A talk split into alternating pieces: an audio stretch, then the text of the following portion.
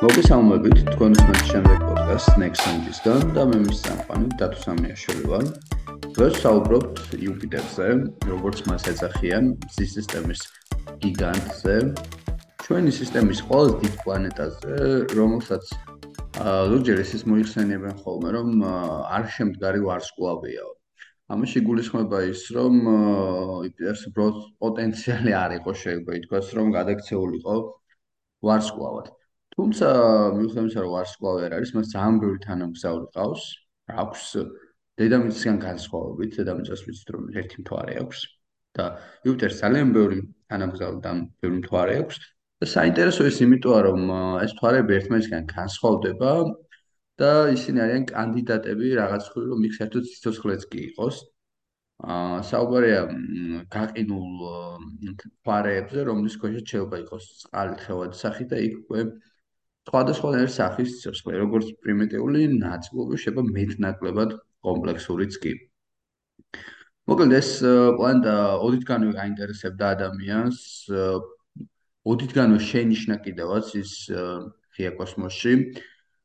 ჯერ კიდევ უძველესმა ადამიანმა და მის ყოველთვის იყო დაინტერესებული მას ღმერთის სახელსაც არ ქმეოდნენ, ზოგადად იუპიტერის თვითონ ეხა რასაც ვიზახეთ, ესეც მაგაზე მეტყოლებს. აა მაგრამ საბოლოოდ აღმოჩნდა რომ ეს პლანეტა მართლაც მართლაც რომ ძალიან საინტერესო არის და ერთი მხრივ შეიძლება ითქვას რომ რაღაცა ну ღმერთს არ უწოდებდი მაგრამ ყოველ შემთხვევაში მეფია პლანეტებში ამ მზის სისტემაში.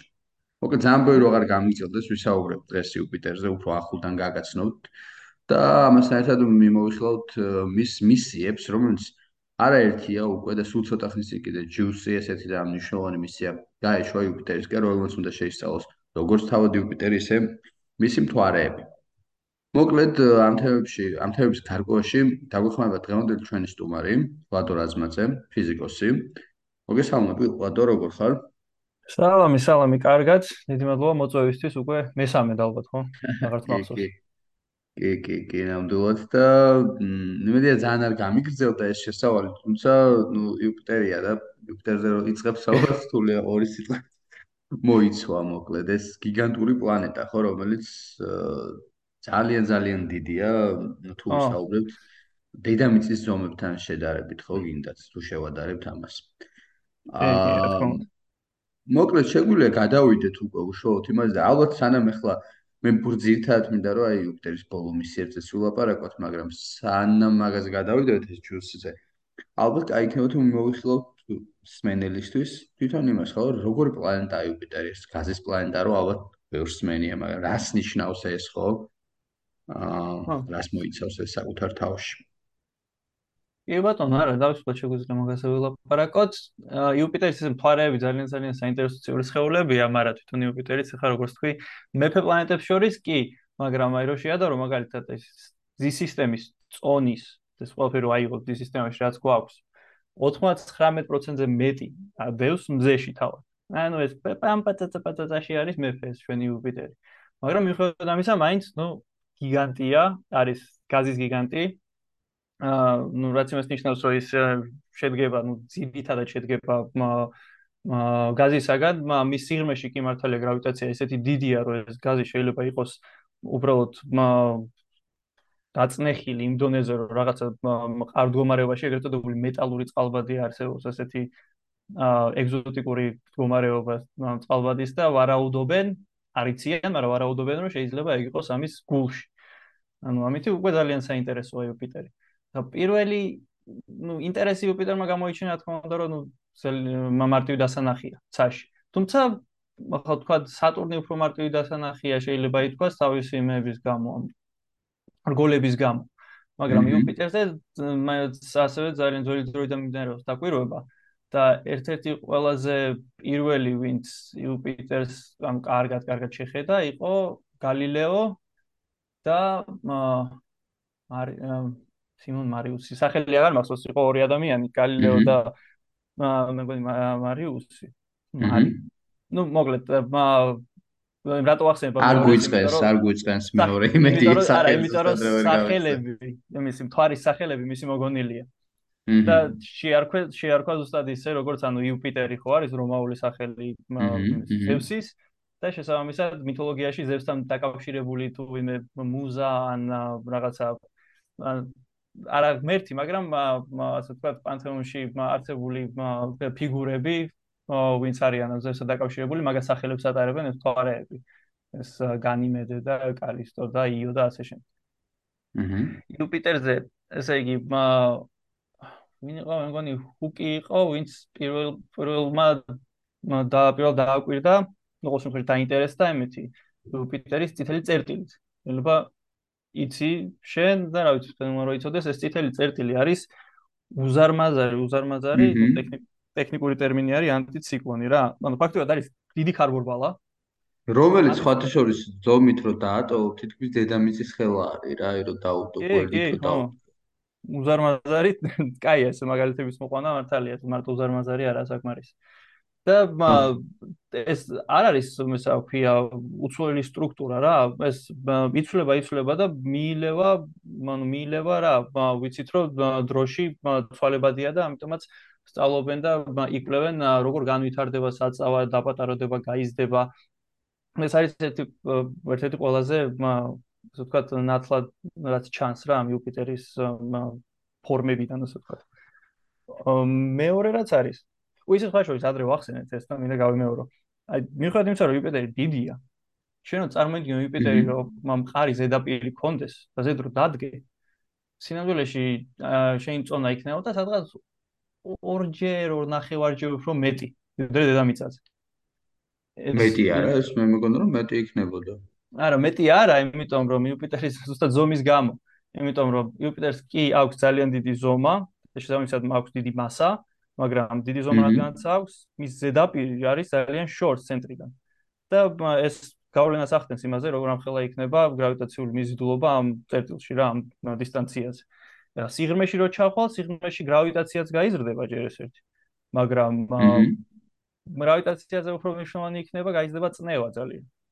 გაიზრდება წნევა და უფრო ეგ წნევა იქნება, ასე ვთქვათ, საშიში, ვიდრე თვითონ გრავიტაცია, თორე ხა ну ორჯერ მე რო ორჯერ მეც ვიწონი და რამდენი გამოვალ რა ანუ აა 150 არა მე აჰა უგარჩი 200 კილო თქვა. ეხა 200 კილო ადამიანი დედამიწაზე ბევრი არსებობს ხო ну ძალიან ბევრი არა მაგრამ არსებობს ხო და უძლებს უძლებს ხო ანუ სახსრები შეიძლება რაღაცა იუპიტერზე 1-2 საათში სახსრებმა უკვე ვეღარ გაუძლოს ეს სასახსრე სითხე გამოგიძვრეს და მე უკვე ის ერთმანეთს ეხახუნება ძვლები, მაგრამ ყოველ შემთხვევაში ეგრევე არ მოხდა ეს ფაქტი.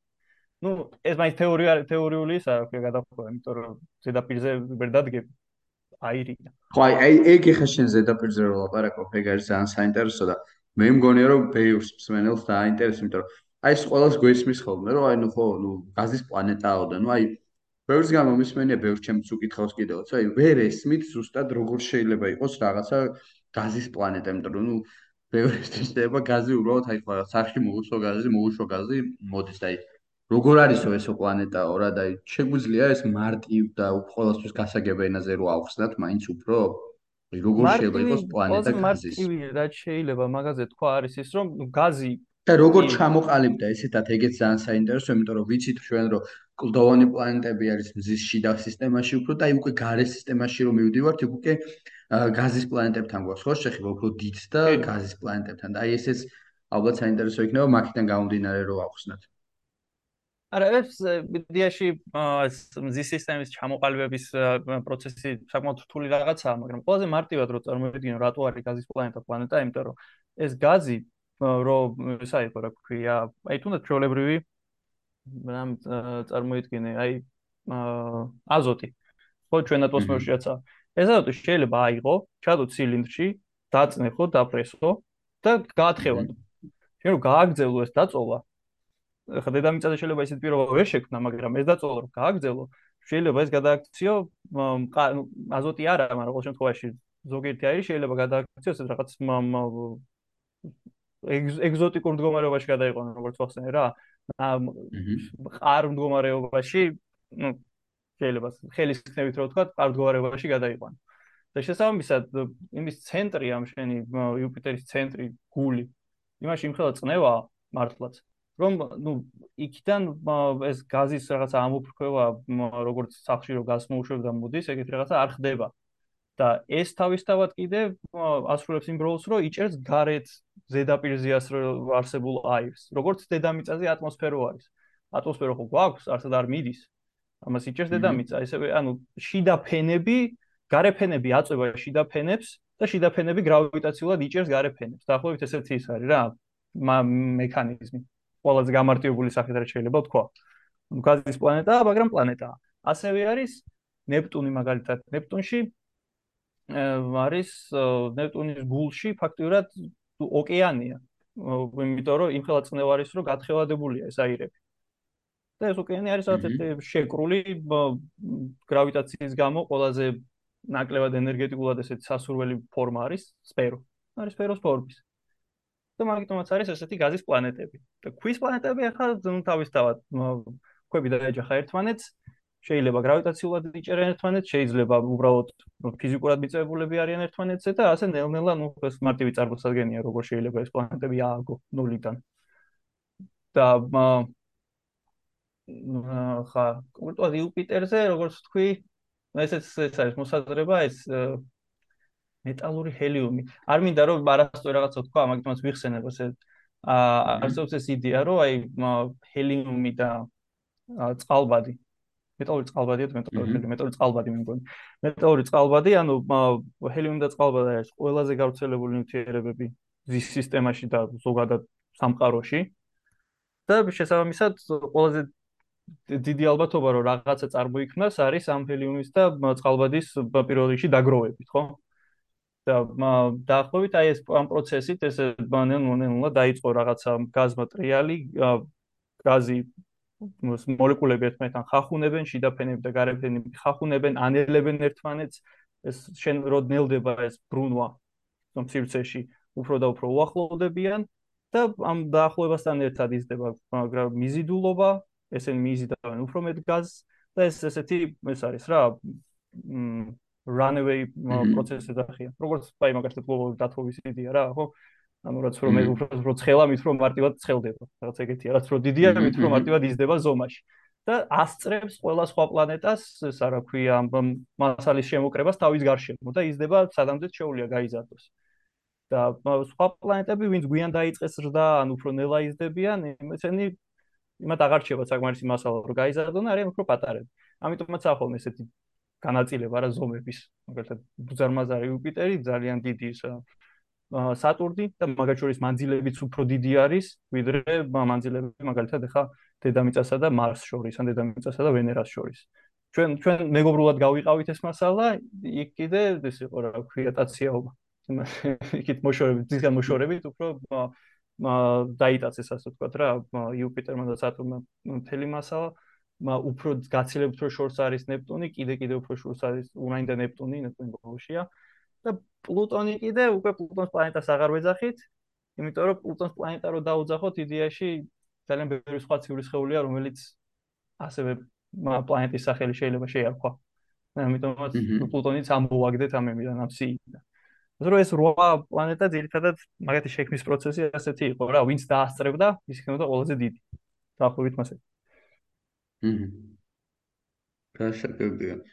და ანუ ამაზე ხა ჩვენ საუბრობდით, შემოდგა კონსისტენციაზე, ესე ვთქვათ, გრავიტაციაზე, ხო და ანუ აი ეს მაგალითად ზუსტად არ ვიცოდი, რომ პირობითად ზედაპირი რო ქონდა, სულ რაღაც ორ ნახევრჯერ მეტი იქნებოდი წონაში და და არა ეს უბრალოდ გადავთვალე მე თვითონ და მაინტერესა. ხო. და ისე ზუსტად რამდენჯერ არის უფრო დიდი მასიური თვითონ პლანეტა იუპიტერი ვიდრე დედამიწა? უიკიან მახსოვს აღარ დაგიმალო. უბრალოდ. ნუ ისე რაღაც ერთი 100 ჯერ მაინც დიდი უნდა იყოს, ხო? არა, კი კაცო, მაშინ რა მეჯერად დიდია. გაბარიტები. ბევრად დიდი, იმიტომ რომ კი. ბევრად, ბევრად. ცუნამიში ჩაეტეოდა დედამიწაო თქვით და წარმოიდგინე რამხელა პლანეტა უნდა პლანეტასთან გვაქვს საქმე ესე ვთქვა. ოთან ესე ჩაეტეოდა ასე რომ დააკვირდე იმას რა ქვია, განიკვეთს რა, მას დედამიწისას რა დიამეტრს ფაქტიურად და რომ ჩვენ თუ გინდა ჩაატიო იუპიტერის ხელა ბურთში, დედამიწის ხელა ბურთები, მაშინ ნუ ძალიან ძალიან ბევრი გამოდის. ანუ გამოდის რაღაც. ნუ გადამოწმება შეიძლება მე შეიძლება ჩამატო. მაგრამ აი მაგალითად რა აი ხო თუ გინახავს ადრე ბავშვობაში მიყვარდა უყურებდი ხოლმე Discovery-ზე ეს სხვა სხვა პლანეტებზე როგორი ისენია ამინდები და პირობები და უფრო საშიში იყო არა გრავიტაცია მაგალითად არამედ წნევა აი ვენერა როა იყო ვენერაზე ну ჯერ ისა საშიში მარტო რომ ეს არის გოგრით გოგრით ჯავას წვიმებია და რაღაცა მაგრამ წნევა არის იმხელა რომ აიღო აი ჩვეულებრივი ქილა მაგალითად კოკაკოლის ქილა და მოათავსო ვენერას ატმოსფეროში. ვენერას გრავიტაცია უფრო უფრო ნაკლები არა მაგრამ რა დედამიწისნაირია ვენერა თუ ნაკლებია დედამიწაზე ხო. მაგრამ წნევა იმხელაა რომ ამას გააბრტყელებს ვერ გაუძლებს ქილა იმას აი შიგიდან გაზი რო აქვს რა გულისხმობ გაუხსნელი რა იწევს ამ დიწნევას სიტყვაზე ამ შემთხვევაში? სქელი ატმოსფერო. ანუ იმისი რა ქვია ვენერას ატმოსფერო მაგალითად შედგება ნახშირორჟანგისგან და ეს ნახშირორჟანგი ეს არის გაცილებით რომ ძიმია ვიდრე ფაირები და შესაბამისად გაცილებით რომ მეტ წნევას იწევს და უფრო მაგალითად იუპიტერზე კიდე ხაშიში იქნებოდა არა იმდენად წნევა, რამდენადაც მაგალითად ქარი. იმიტომ რომ ეს იუპიტერზე აა რაღაც 400-500 კილომეტრ/სთ სიჩქარეების ქარებია. ანუ ძალიან დიდ წარმოგიდგენ მასეთი ქარი, მასეთ ქარში რაღაცა მტრის ნაწილაკი რომ მოხვდეს, ტყვიასავითაა. ხო? ამიტომაც ანუ იუპიტერზე გაცილებით რო საშიშია ქარი და მერე უკვე მიზიდულობა. ქარი, წნევა და მერე მიზიდულობა. მიზიდულობას, ნე, არის რა. არა ის ხოლმე საფშის. ყოველ შემთხვევაში იმ მანძილებზე, რა მანძილებზეც თვითონ იუპიტერი იწელება. და კიდე რა არის? აი მაგალითად როა იყო იუპიტერის იუპიტერის მთვარე იო. აი ეს იო არის ემაში ზის სისტემაში ყველაზე ვულკანურად ყველაზე აქტიური ციური სხეული. იმის გამო რომ იუპიტერს აი გრავიტაციაზე კონკრეტულად გრავიტაციის რა ეფექტი აქვს. იმის გამო რომ იუპიტერის თან ერთ-ერთი ყველაზე ახლოს მდებარე პლანეტაა და ეს იუპიტერის გრავიტაციული ველი ამ იოს თიხასავით ძერწავს რა წელავს და ჭიმავს. ამ თეთავ იოს იუპიტერის გარშემო მოძრაობის განმავლობაში. და ეხლა შენ თუ თიხასთან მასთან პლასტელინთან რამესთან გითამაშია იცი რომ ესე დიდი ხანი რომ ძერწავ რაღაცას თბება. და ახლა რომ წარმოიდგინო ასტრონომიულ მასშტაბებზე ეს იოს ეს იუპიტერის გრავიტაციის გამო ფორმა რო ეცვლება აქვს არის ძალიან ცხელი, ანუ გული აქვს გამღვალი, იდეაში მაგზომის მაგას თვარეს არ უნდა კონდეს თხევადი გული, იმიტომ რომ არის თვარის ხელა. თქვენი თვარის ხელა.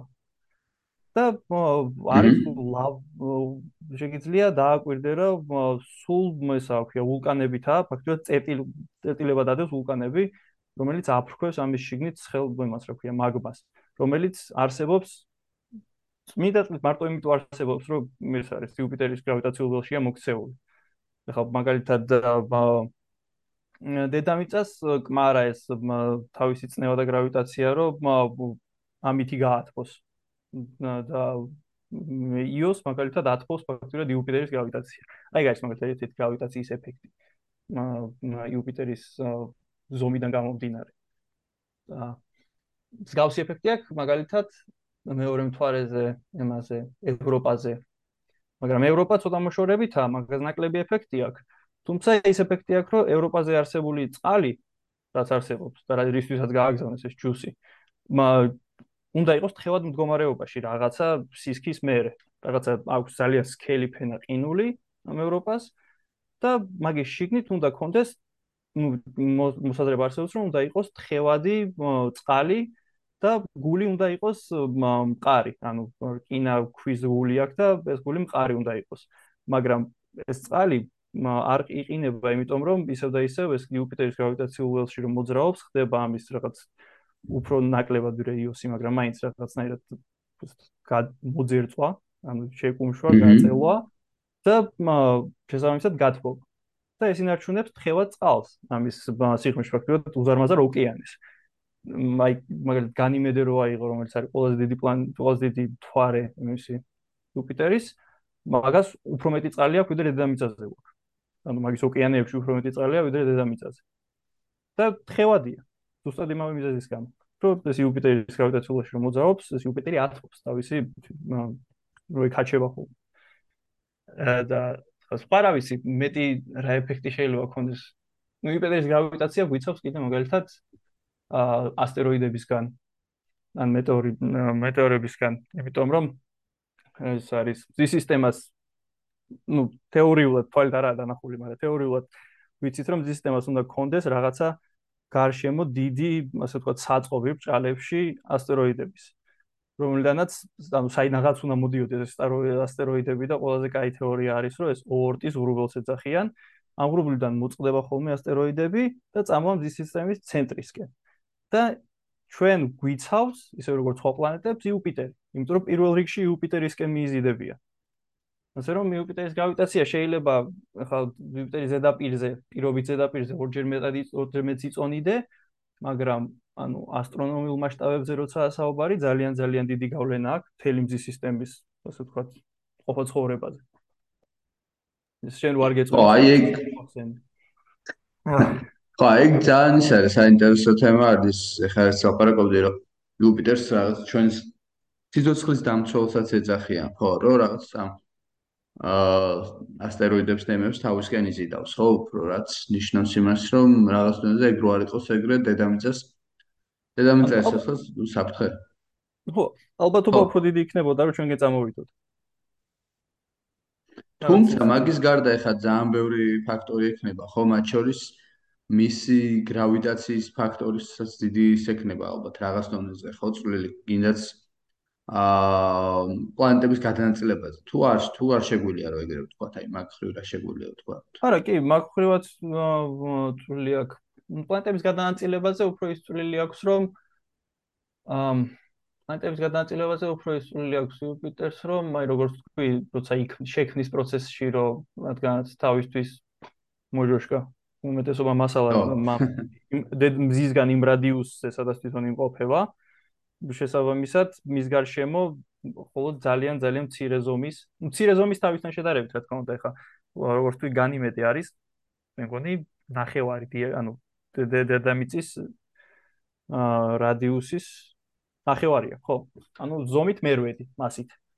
მაგრამ იდეაში საკმაოდ დიდი სხეულებია უბრალოდ ეხა იუპიტერის ხელა ვერა და იუპიტერის გარშემო მხოლოდ პატარა ციური სხეულები გვხვდება, რომლებიც მის გარშემო ბრუნავენ.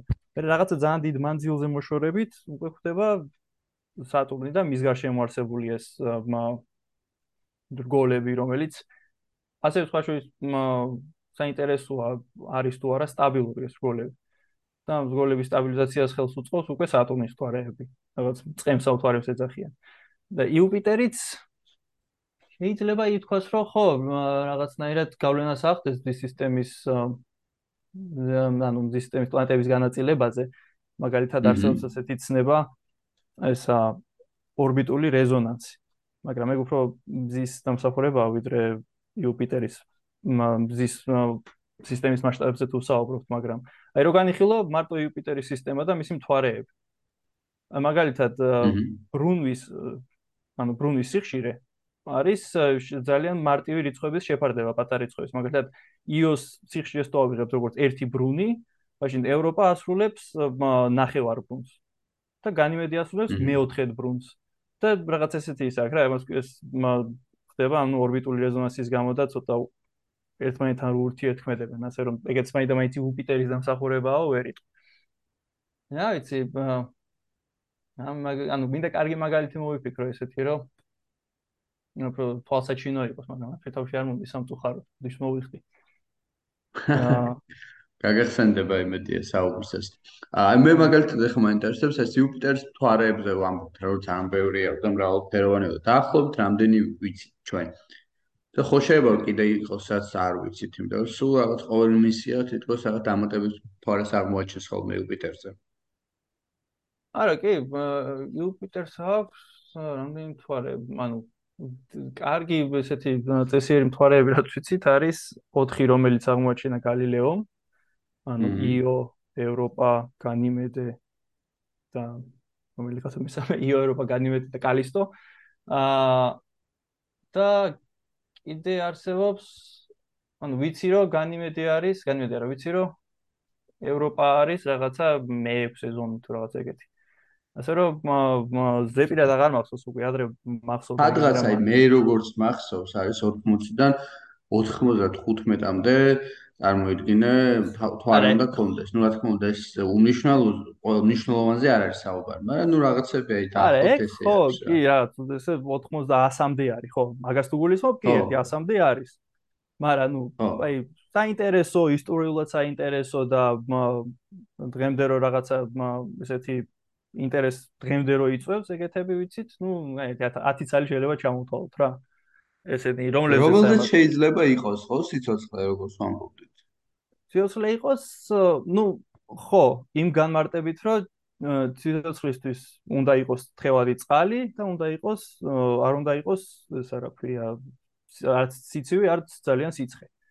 და ამიტომაც ვარაუდობენ რომ why და იქნება და იყოს, იქნება და თავისი თიქაც წარმოშობილი იყოს სიცოცხლე ხარო უშვებენ. ანუ ერთ-ერთი მნიშვნელოვანი ამოცანა ამ მისიის არის რომ შეისწავლონ ზუსტად ამ იუპიტერზე, ისენი, იუპიტერის თვარეზე ოკეანეები, ამ წყლის, როგორც ვახსენე, კეთხოვადი წყლის ოკეანეები და ნახომ არის თუ არა ჯერ ესეთი მისაღები სიცოცხლისთვის, ისე იმ სიცოცხლისთვის, რომელსაც ჩვენ ვიცნობთ, ანუ დედამიწაზე არსებული და ჩამოყა შეიძლება თუ არა არის თუ არა ნაკვალევი რომ სიცოცხლე ოდესმე იყო ან პოტენციალი თუ აქვს რომ სიცოცხლე ოდესმე გაჩნდეს რაღაც ეგეთი. ანუ ინტერესი დღემდე ძალიან არის მაგ თემაზე. დღემდე კი არა და დღეს გაცილებით უფრო არის ეგ ინტერესი იმიტომ რომ ხა გალილეოს დროს რა იცოდნენ ევროპის ქვეშ რა იყო. ხო აი მაგალითად კალსეიგანი რომელიც თავიანთ სერიოზულად იყო ძალიან გატაცებული რომ მარსზე უნდა აღმოჩენა ბოლო წლებში უკვე ზუსტად რომ იუპიტერის თვარეებზე იყო გადარწმული და აქტიურად იყო ჩართული მათ შორის ვოიაჯერების მისიებში, ხო, პირველსა და მეორეში, რომლებიც იდეაში პირველებმა შეისწავლეს, ხო, თუ არ მეშლება, ვოიაჯერ მეორემ თუ აა ვოიაჯერმა ჩაუარა, ხო, იმიტომ რომ გამოიყენა ეგრეთ წოდებული ეს შურდულის სწორედ ქართული ტერმინი არ ვიცი. პირდულად თუ პირველად თუ პირდაპირ თუ თარგმნი, გამოდის ეს ხო გრავიტაციული gravity assist, ანუ gravity slingshot shot, ან შურდულის მანევრი. შეასრულა იუპიტერის გავლით და შესაბამისად, რადგანაც ჩაიარა ბარი. ეს ნიშნავს, რომ პლანეტის გრავიტაციას იყენებ, ხო, რაღაც დონეზე, ასე ჩქარებულად, როგორც ვიცი. ხო.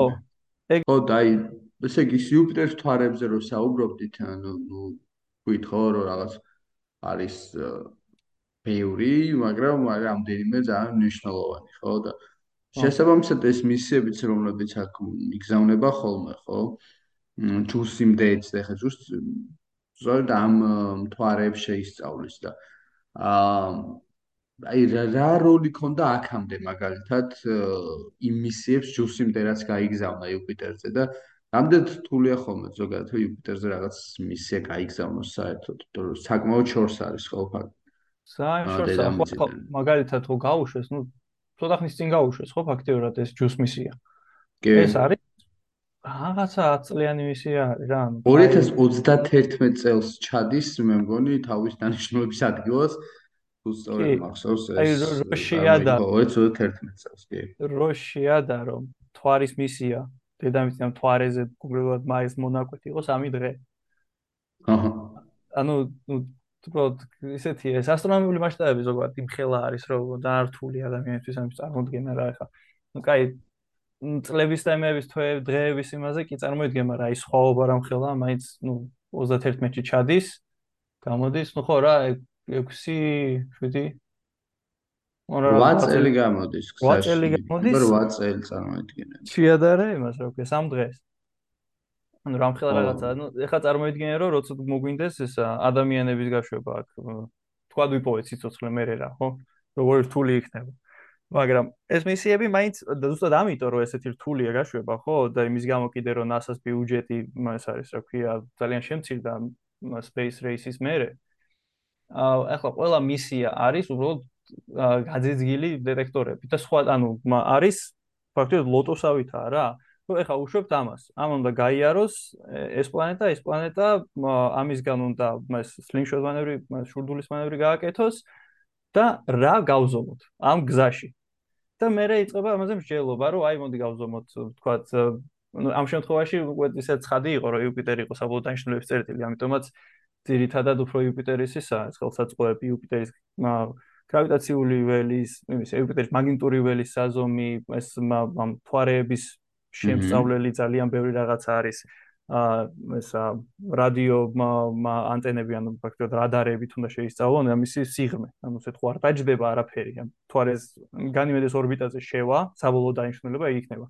განიმედეს ორბიტაზე შევა ეს ჯუსი და ფაქტიურად წარმოიდგინე სონარი რა, მაგითი ეცდება იმის ისა შესწავლას, ამის სიღრმეების, რამ სიღრმეზე არის ყინული ჩასული, წყალი მართლა თხევადი არის თუ არა, შიგნით არის თუ არა რაღაცა საინტერესო აქტივობა, აქტივობა გულისხმობ გეოლოგიური აქტივობა.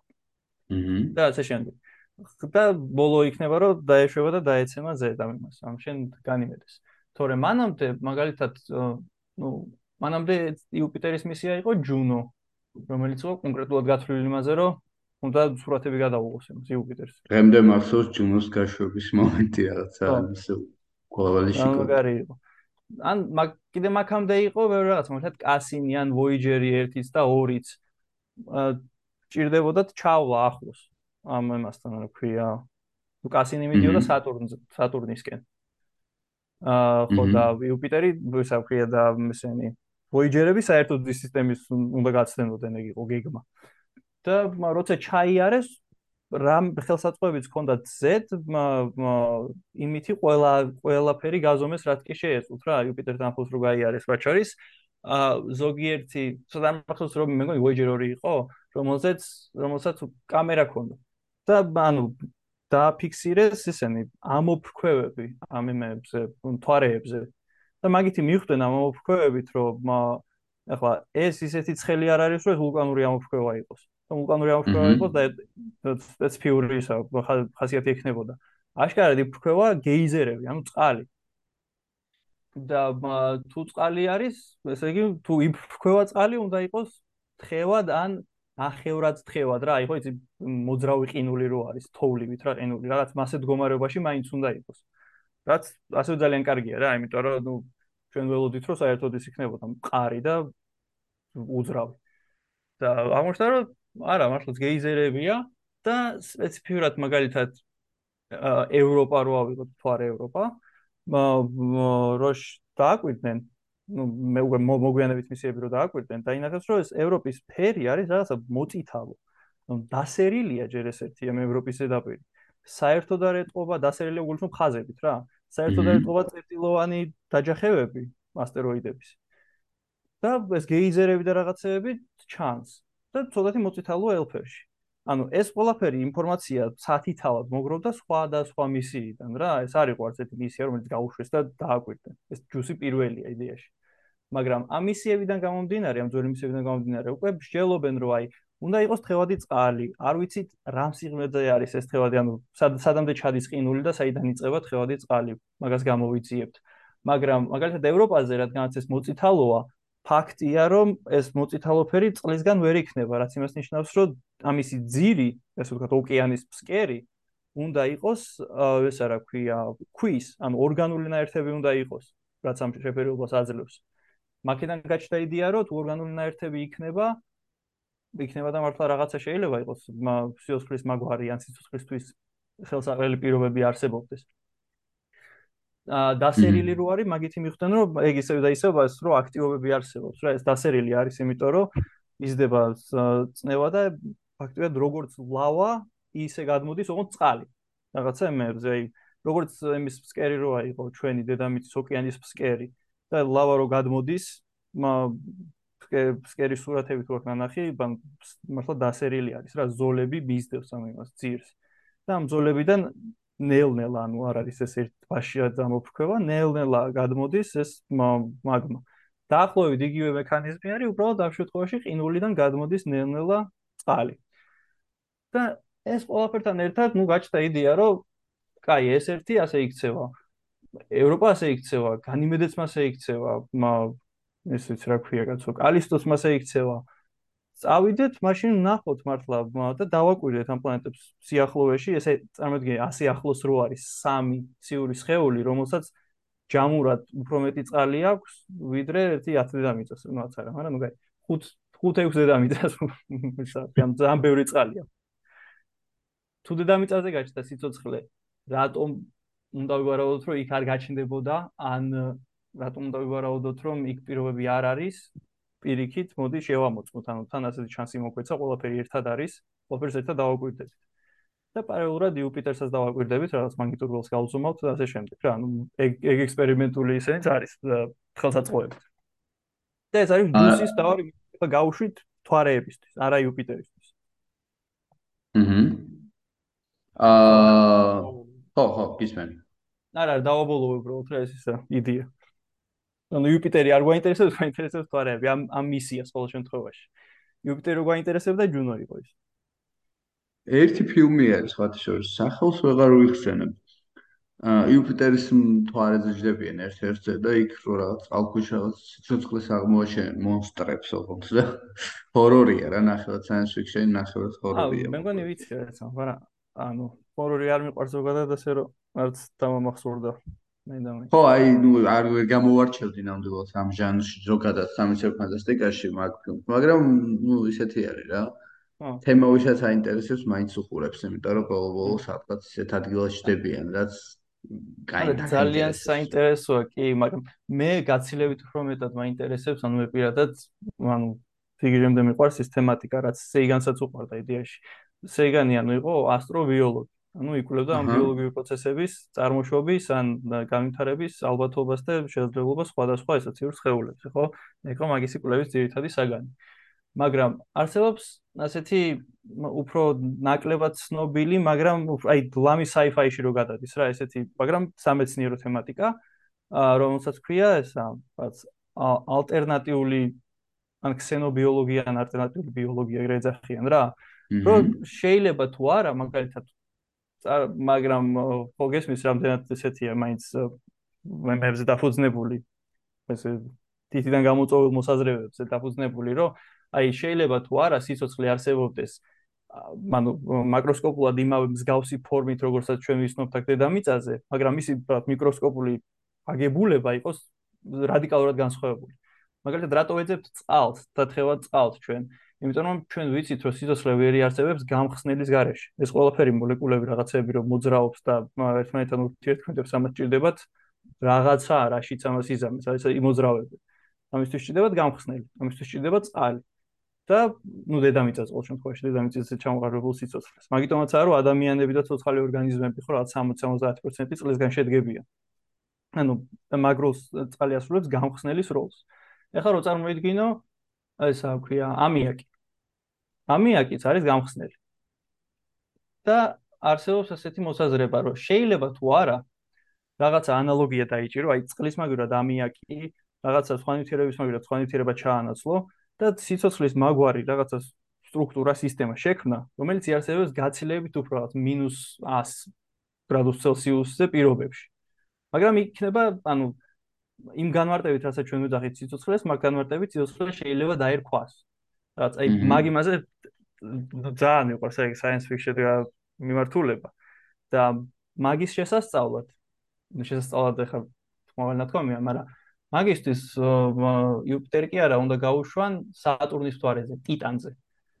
იმიტომ რომ ტიტანს უკვე აქვს ძალიან დიდი ისა მსგავსება დედამიწასთან მაგალითად აქვს ბრელიეფი უბრალოდ რელიეფი ქვის არ არის რელიეფი არის წყლის ყინულისგან შედგება აქვს მდინარეები, წვიმები, ღრუბლები, ატმოსფერო, მაგრამ ეს ყველაფერი არის არა წყალი, არამედ მეთანი, თხევადი. და ეს არის ამის სიღრმეებში არის მასევე პატარა რაღაც მინი გეიზერები შეიძლება ასე ითქვას. უბრალოდ, ну, ეს ძალიან გავს დედამიწას.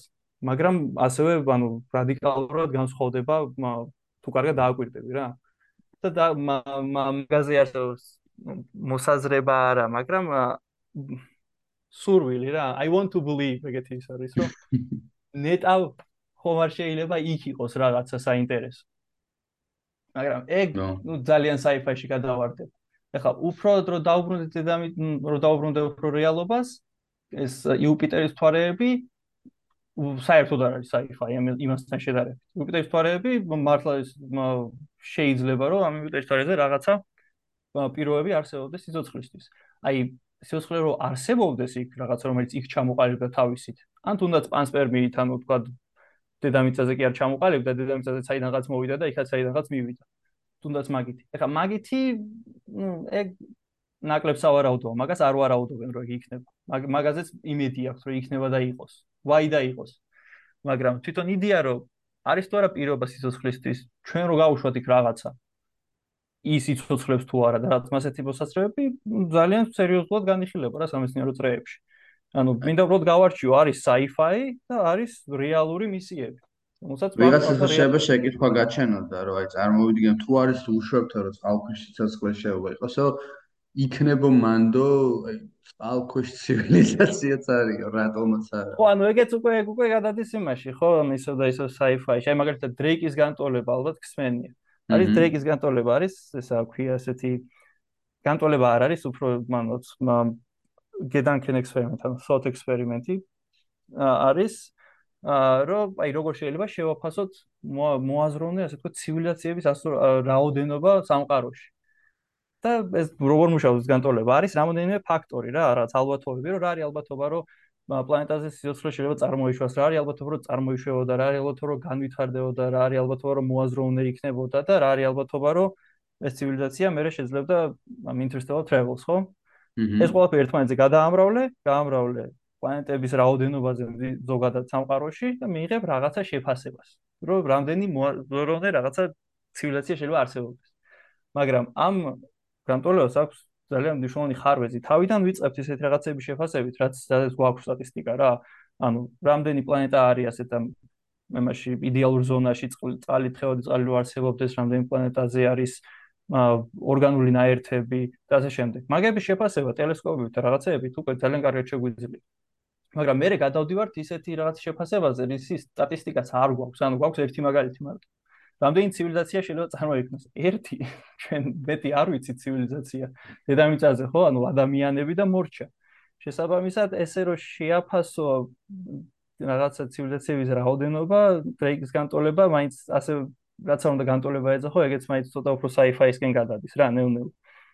და შესაბამისად არავინ არ ну იმის შიშით რო აბუჩა და რა იგდონ ნაწილობრივ და ნაწილობრივ მართლაც არ ჯერათ ახლა ცივილიზაციები და რაღაცეები და ანუ ბაქტერიული სიცოცხლეც რო იყოს მაგაზეც კი ეჭქვეშ არიან რა მაგრამ აი მაგისი სურვილი და იმედი მაინც შეიძლება ეს უშიშრად კონდეს და არავინ არ დაგცინოს მაგრამ ახლა რო თქვა ცივილიზაციებიო მე გეტყვი რომ ნე მოდი მოდი არ გვინდა მოდი ნუ გავიქცევით. მოდი ჯერ ჯერ ჩავიდეს ჯერ კიდე 8 წელი გვაქვს რა.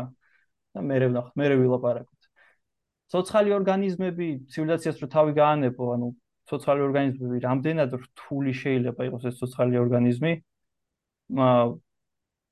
მაგისი სტატისტიკაც ძალიან ცოტა გვაქვს, იმიტომ რომ ერთადერთი ცოცხალი ორგანიზმი, ანუ ერთადერთი ტიპის სიცოცხლე ჩვენასაც ვიცნობთ, არის დედამიწაზე არსებული.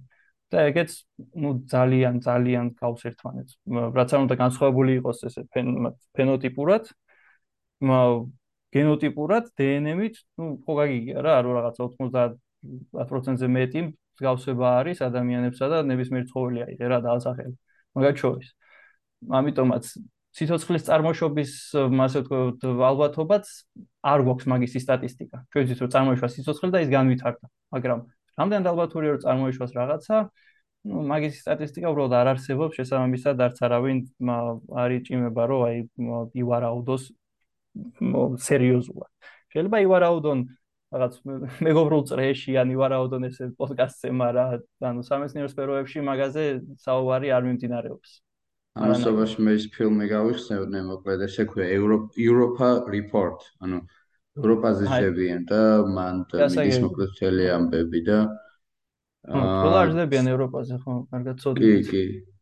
ხო და აი ძალიან ბუნდოვნად ეს შემთხვევა როცა არ ვიცი ნანახი მაქვს თუ არა ეს ფილმი რა ემოციურად მახსოვდა და უბრალოდ ნანახი თუ არა აქვს რომ და ვნახო მაინც? მაინც არ არის გასაგები ტრეილერი ჩავხთე ტრეილერი ჩავხთე და რაღაცა თითქოს დეტალურად ჩანს აი მისიას როგორ უშვებენ და რაღაცა რა და მე დაჟე დაждომაც ჩანს ახლა რა და ნუ ჯოლი უნდა ვნახო რა. ასე მოგეთ ჩანელსაც ვინც ამ პოდკასტს ეხა უსმენთ და თუ საღამოა თქვენთვის ან რაღაცა და გაპირებთ რამის ყურებას აგერ ევროპა რეპორტ შეგიძლიათ ჩართოთ ჩვენი პოდკასტის შემდეგ და დახვიდეთ ევროპას. დაათვალიეროთ ჩაასწროთ ჯუს. ხო, ხო, ნამდვილად. ეხლა მე უბრალოდ იმას ვუყურებდი. დისტანცია მოკლედ იუპიტერამდე, ну, საშუალოდ ხო გააჩნია როდის როგორ მოძრაობ რაღაც პლანეტები. არის 890 მილიონი კილომეტრი. ხო. ну, ფარის რო საუბრობდით, არის წარმოიდგინე 394.000, ან ჯიბეშია რა მთვარე მოკლედ ამ ყოველთვის შედარებით. მაგრამ აი ხა მარსზე უყურებდი და მარსი არის სადღაც 260 მილიონი კილომეტრი. ანუ მარსიც საკმაოდ დიდია და ესე თავისუფლად რო ვაპირებთ მარსის კოლონიზაციას, ну ყოველ შემთხვევაში მას კი ვაპირებს, ხო? ხო. არა, იცი რა არის? ან შორია ხა წარმოვიდგინე ესეც. ესეთი მანძილები მე მაგიტო არ მახსოვს რომ მირჩევნია ვიაზროვნო უფრო იმაში ანუ შედარებებში მაგალითად ახლა თვარეზე 3 დღე უნდა იუპიტერზე 8 წელი მარსამდე გვჭირდება 3 თუ 6 ну თქვა 3-დან 6 თვემდე. ანუ კაი ვაკათ კაი გვარიანი დრო არის რა. ხო და აი უყურე ცოტა ეხლა მე უბრალოდ ვერ დავამთხვია უყურე თუ იუპიტერამდე არის 190 კილო მილიონი კილომეტრი და მარსამდე სადღაც 264 მილიონი კილომეტრი, ნუ სადღაც 4ჯერ უფრო შორს არის იუპიტერი და თუ იქამდე 8 წელი გჭირდება, 8 გაყავი 4-ზე და 6 თვე წესს არ უნდა გიყოს. ნუ შეიძლება უბრალოდ იდეალური იმას პოულობენ ორბიტას და მაგ დროს უშვებ და არა, ხო, ეს გადასვლები და რაღაც, არა, ორბიტას რო თავი გაანებო, ანუ ჯამური მისიაზე არ მაქვს საუბარი, მაგრამ კონკრეტულად ამ მანძილს. რაღაც სამ როგორც მახსოვს არის 3-დან 6 თვემდე ეგრე მახსოვს მე ზუსტად შეიძლება ვწდები ცოტათი, მაგრამ ну, ყოველთვის ერთი წელიც არ არის რა. ნახევარი წელი არის მაქსიმუმ. და არა, რისი თქვა მინდა, ნახე, რომც ანუ მარსი როა იყო. მარსი რამდენად უფრო ახლოსაა იუპიტერზე ხა უბრალოდ რომ და შეიძლება რა, დაგაჯერო. აა ავსტრალია. როცა ეს აქვია კაცობრიობა შეიძლება გემები ქონდა, ანუ გემი იყო ყველაზე დიდი ტექნოლოგია ამ ტრანსპორტის და მოგზაურობის. ავსტრალიამდე რო ჩაყავთ ავსტრალია რო იყო კოლონია, ხო კოლონია იყო იმ გაგებით რომ იყო ციხე ბრიტანეთის იმპერიისთვის რა ანუ იქ უშვებდნენ პატიმრებს. ამ კოლონიაზე კოლონიაში გამგზავრება იყო სადღაც ამი თვე. ანუ ადამიანისთვის კი ხა სხვა პირობებია გეთანხმები ხო მაგრამ დაძლევადია. არც გემზე ყოფნა არ არის. მაინდა მაინც ესეთი სასურველი ადამიანისთვის ამ პერიოდში იმიტომ რომ მაგალითად ძალიან ცნობილია მეკობრეებს ხონდა დაავადება ესა აა ეს curve ქვია ინგლისურად ქართულად არის ხოთა შორის. არის C ვიტამინის დაკლებობა ანუ მეტი არაფერი. ანუ რო არ ჭამნე არ ქონდა ციტრუსი არ ქონდა თხილი ამ იმაზე გემზე ამდენი ხანი ემართებოდა ეს C ვიტამინის ნაკლებობა და საშნელი დაავადებაა რა ეს ეს შემაერთებელი ქსოვილები ორგანიზმში ფაქტობრივად იხსნება ანუ ჭირდება ეს. მასალა აღარა აქვს რომ წესიერად აშენდეს და მაგას ძლევდა ხალხი მაინც მიდიოდა ხო? მაინც მოგზაურობდა და დაახლოებით ზუსტად იმ მასშტაბებიზე არის დროის იმ მასშტაბებზეა საუბარი, რასაც ახლა ვამბობ ჩვენ მარსზე წასვლას.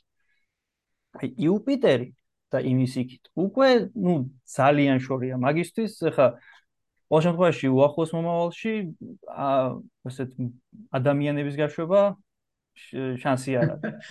ანუ 8 წელზე თუ საუბრობთ ახლა 8 წელი რო ერთი გზა მიდის და მერეუკა კიდე 8 წელი უნდა წავიდეთ 16 წელი თუ გზაში გაატარა ადამიანმა. დასრულ ცხოვრება სადღაც 50 წელი ცხოვრობს საშუალო. ხო და რა მაგას ვამბობ რა ეს ადამიანის წასვლა იუპიტერზე გამორიცხულია მაგრამ ნუ ჯერჯერობით მაინც და ახლა ეს პრობლემები თავისუფლად შეგვიძლია გავაგზავნოთ. მაგალითად Voyager 1-იც და 2-იც დღემდე მუშაობს რაც ნუ ესეთი ინჟინერიის ის არის რა ქვია რაღაცა ნიმუ შედევრია რა იმიტომ რომ აა როდის გავუშვეს? 70-იანებში 71-ში 77-ში გავუშვეს. 17-ში აჰა. წარმოიდგინე ანუ რა რა მანძილი დადრო არის გასული და დღემდე მუშაობს. ანუ დღემდე შეგიძლია შეხვიდე NASA საიტზე და მოძებნო სად არის Voyager-ი და მისი ისენი რა data რაც გადმოსცემს. თუ რამდენიმე დღის წინ ახლა აგერ ჩვენ გქონდა სტატია მაგაზე Next-ზე რომ სამი წლით კიდე გავხანგრძლივეს დაჟე Voyager 3-ს 3-ს მეთქი 2-ს მისია რა. სამი წლით გავხანგრძლივეს. წარმოიდგინე ანუ აა და ნუ რაღაც იქ იყო ახსნებოდ რომ რაღაც სპეციალურებს თიშავენ უბრალოდ კიდე რომ ამან მოახერხოს კიდე მუშაობა რა. ხო, ამიტომ რომ მუშაობს იმაზე, რა ქვია, ფაქტობრივად პატარა ბირთვული რეაქტორია გზეთ. ხო, ბირთვულ ენერგიაზე მუშაობს და უბრალოდ საწვავი კი ყოფნის, მაგრამ სიმძლავრე აღარ ყოფნის და ამიტომაც თიშავენ სხვადასხვა იმებს, რასაც ვერ გამოიყენებენ, ან უკვე დაძველებულია და აღარ მუშაობს, სხვა ხელსაწყოები, ზოგავენ ენერგიას. და მიდიან, მიდიან და 1000-ში ერთხელ ესა ამოწმებენ რა გამოაგზავნა. ну თა შეერთხელ არა, მაგრამ ნუ ამოწმენ რა გამოაგზავნა ნახულობენ, იმიტომ რომ ახლა თუ არ ვწდები უკვე გამცდარია იმას. ეს სისტემას გამცდარია, ხო? ოიჯერი აი კლასიკური გაგებით მზის სისტემას გამცდარია უბრალოდ ხო ნუ ეხი ხო. არ კიდე რა. რაღაც დონეზე რაღაცა. ხო ფაქტორები არის რომ მზის გავლენა და რაღაც მაგრამ აი კლასიკურ გაგებით პლანეტებს თემებს გამცდარენ ამდუად და 22 საათი ჭირდება დაახლოებით. სინათლისჩქარეს იქიდან რომ მოვიდეს იმდენად შორს არის უკვე წარმოიდგინე. ო კიდე ნუ ეგ პრობლემა ეგ პრობლემაც არსებობს ახლა მოგზაურობაში. ნუ მარსზე ეს არის ნუ საათები არ არის? წუთებზეა მე მგონი საუბარი, მაგრამ ყოველ შემთხვევაში მაინც რა, ეხლა წარმოედგინე მესენჯერში რო რეკავდა მესიჯი რო რაღაც რამოდენიმე წამის მერე მისდის, ეგ უკვე შემაწუხებელია და რო დარეკავდა მან ისი რაღაცა სიტყვი და მიუვა 1-2 წუთის მერე, ეგ ხო თითქმის წარმოუდგენელი. ასე რომ თავისი ხარვეზები აქვს ეხლა მარსზე გაშვებას მაგალითად რაც არ ქონდა ავსტრალიაში გაშვებას. მაგრამ ავსტრალიაში მაშინ ტელეფონი მც არ ქონდათ, ასე რომ ეს არის რა, ანუ როში მაგრამ რატო ვადარებ რატო ვაკეთებ ამ შედარებას რომ შეუძლია ადამიანს შეუძლია კაცობრიობას ამის მიღწევა? ეს არ არის ძალიან შორეული პერსპექტივა ეს მარსი. არა იუპიტერი უკვე იუპიტერი ძალიან შორცაა. მარსი ზუსტად მგონია რომ ჩვენ თაობის გამოწვევაა ზუსტად რა ანუ ჩვენ თაობაში უნდა შევძლოთ ეგ რა. აა ხო რა ვიცი აბა ამდენი შეიძლება იმიტომ რომ ის ხო როგორ დაიწყო რა ეს თვარეზე გაშვებაც ხო როგორ დაიწყო იყო ანუ V2 ეს გერმანელების გაკეთებული რაკეტა. რო და რო დამთავრდა ომი რუსეთის საბჭოთა კავშირმა და ამერიკამ დაიწყო ფაქტობრივად ნადირობა ნადირობა იმ გაგებით რომ თავისთან მიყავთ რა ნაცის მეცნიერებს. ნასას ნახევარი იყო ნაცისტი მეცნიერები და მეორე ნახევარი იყო ისა ეს ებრაელები რომლებიც ნაცისტებს გამოიქცნენ ხო? მიმები არის მაგის და ცნობილი მიმია მაგრამ ნუ ცნობილი მიმია მაგრამ ნამდვილი ისტორია ისტორიულად კორექტულია რა. ხო და ეს ამერიკული პროგრამა და რაღაცა თუნდაც საფრთხე პროგრამა ზოგადად ეს რაკეტების პროგრამა. იმიტომ დაიწყო რომ ატომური ბომბი რო შექმნა ამერიკა ეხლა ეს ატომური ბომბი როგორ უნდა მივიტანოთ იმათთან ხო?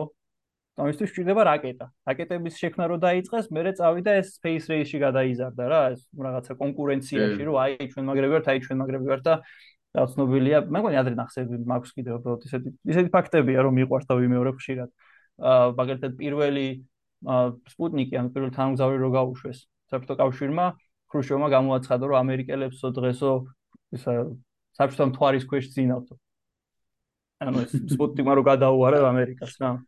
ხო და ეხა მაშინ ძალიან ძალიან ჟილკა იყო ისი რომ არა ჩვენ მაგრები ვარ ჩვენ უნდა ვაჯობოთ. და მაგის მერე ძალიან დაცხრა. ეს აღზევება ეს თანამედროვე და მოსვლა ისე კოსმოსური ისი პროგინა პროექტები აიღე გინდა პროუბები გინდა ჯუსი გინდა ადამიანური უბრალოდ სურვილი ეგინდა არტემიდა აიღე რომელიც ის არის რა ეს რომ უნდა გაშვება თვარეზე ხელახლა. ეს წამოიწია უკვე თანამედროვე იმაში რა ეს ადრე თუ იყო ეს ქიპიში და ომის ფონზე ახლა წამოიწია უფრო რაღაც კაპიტალიზმის და ამის მოგების კერძო საკუთრების და მოგების კერძო ის გახდა რა ანუ კერძო კომპანიები აკეთებენ და NASA სუბსიდიას უკეთებს, NASA-ს თავაზობენ დიზაინერს და ნუ ძირითადად ახლა მაინც კომპანიები რა ერთი SpaceX-ია ძალიან ცნობილი, რომელიც ნულიდან დაიწყო. Blue Origin-ი და ეს Amazon-ის Blue Origin და Virgin Galactic-ი მისი Branson-ის მოჩანჩალობენ, მაგრამ მაინც მოჩანჩალობენ, მაგრამ ხო, მაგრამ ძირითადი მოთამაშეები მაინც უფრო ის არიან რა, Lockheed Martin-ი და Boeing-ი და Airbus-ი. მაგალითად ახლა ეს Juicy, რატომ იყო Juicy-ის პროგრამა? არის თითქმის თავიდან ბოლომდე ევროპული კოსმოსური სააგენტოს პროგრამა. ანუ NASA ეხმარე NASA-მ გააკეთა მეგონი 2-3 ხელსაწყო რა, რომელიც ამ იმაზეა. ხო, ფრანგები იყვნენ განსაკუთრებით ჩართულები, როგორც ის. ფრანგები იყვნენ ძალიან ჩართულები, იმიტომ რომ მივითარია მოტივირებული რაკეტა, რომელმაც გაუშვა Ariane 5.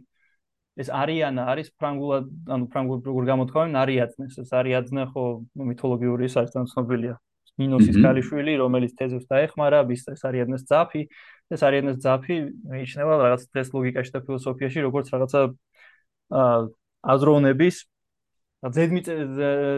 ზედმიწევნითი ან სიტყვა სიტყვა არ მომდის რა რაღაც ლოგიკური აზროვნების ჯაჭვების აგების რაღაცა სიმბოლოდ არის რა ფილოსოფიაში ქცეული ეს არიანეს ძაფი შესაბამისად ეს რაკეტას რო არიანა ქვია ფრანგულ ფრანგების გაკეთებულია და ფრანგების გაკეთებულია ზუსტად იმავე მიზეზით, რა მიზეზითაც რუსები და ამერიკელები აკეთებდნენ. თავიდან გეგმებოდა ატომური ბომბების ისა რა.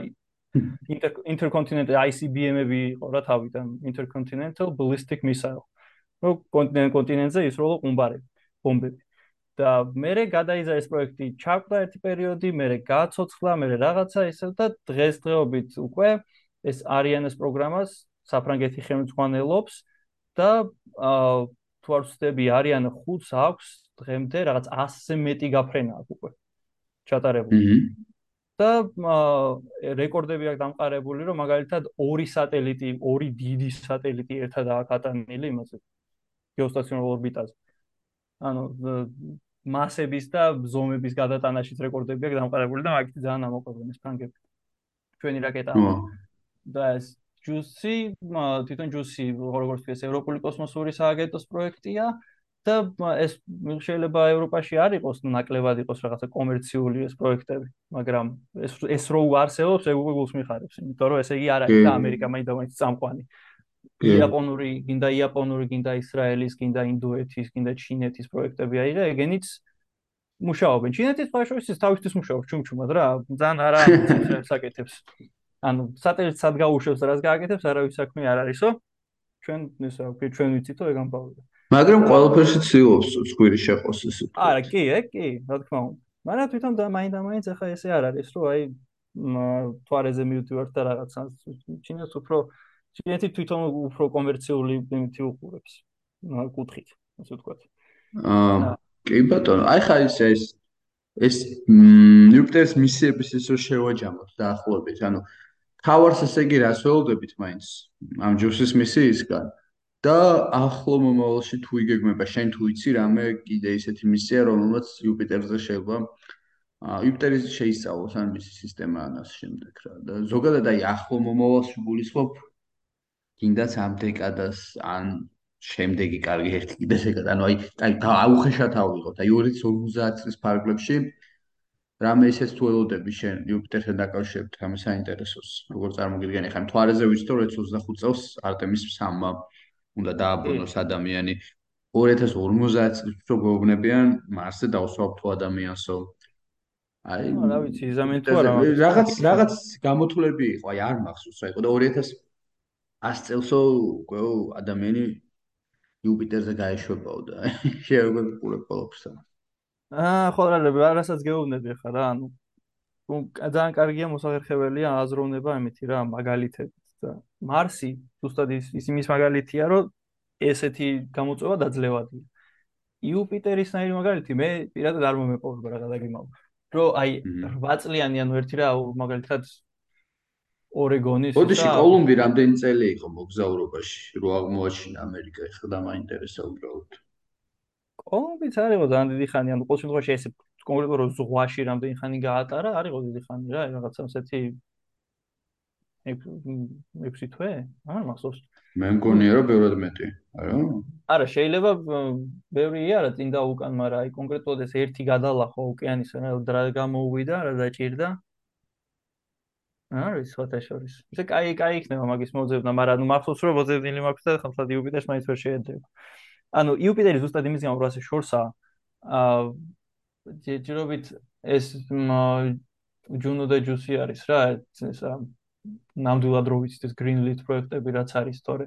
აი ახლა თუ ну თუ როგორია ხო 8 წლის მერე თუ აღმოჩნდა, მაგრამ ну თუ ამ ჯუსმა მართლა აღმოაჩინა რაღაცა აა ისეთი რომ ღირს კიდე მისიების გაშვება დარწმუნებული ვარ ეს კიდე უფრო გამოცოცხლდება რა ეს იუპიტერის მიმართულება მაგრამ ჯერჯერობით ბოდიში აი ჩაგერთვები ხელს თქვენ სამყაროს ციფრულ ღმერთს ვკითხე და 61 დღე უყოფილა ბაჰამებამდე მიღწევამდე დასჭირებია კოლუმბ. 61 ხო ანუ ორი ორი თვე რა? ორი თვე 6-იც არა კი ბატონო. ხო ანუ მახსოვდა რომ არის ძალიან დიდი და ეს მოკლედ იუპიტერზე რასაც ვამბობ ეს პროგრამები რაც გაუშვით ჯერ იმის გამელოდებით, კარგი მოლოდინები გვაქვს.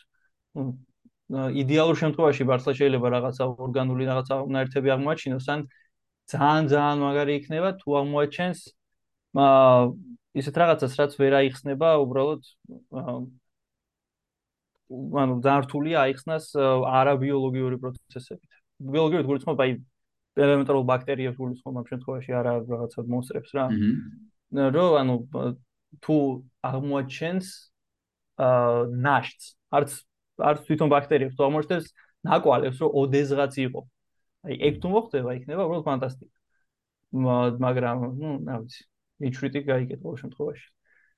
ხო და მარსზე გაშვება ისეთი გამოწვევა რომ დაძლევადიცაა და მარსიდან მთვარე რადგან მთვარეზე უკვე ნამყოფები ვართ ისეთი არა გასახურებელი ვარიანტია ანუ ჯერ ამაზე უკვე აუმჯობესებენ რაკეტებს აუმჯობესებენ პროცესებს და გაგზავნის პროგრამებს და ზოგადად იმას რა პროტოკოლებს როგორ უნდა გაუშვა როგორ უნდა ჩამოვიდეს და უნდა დაждდეს და შემდეგ.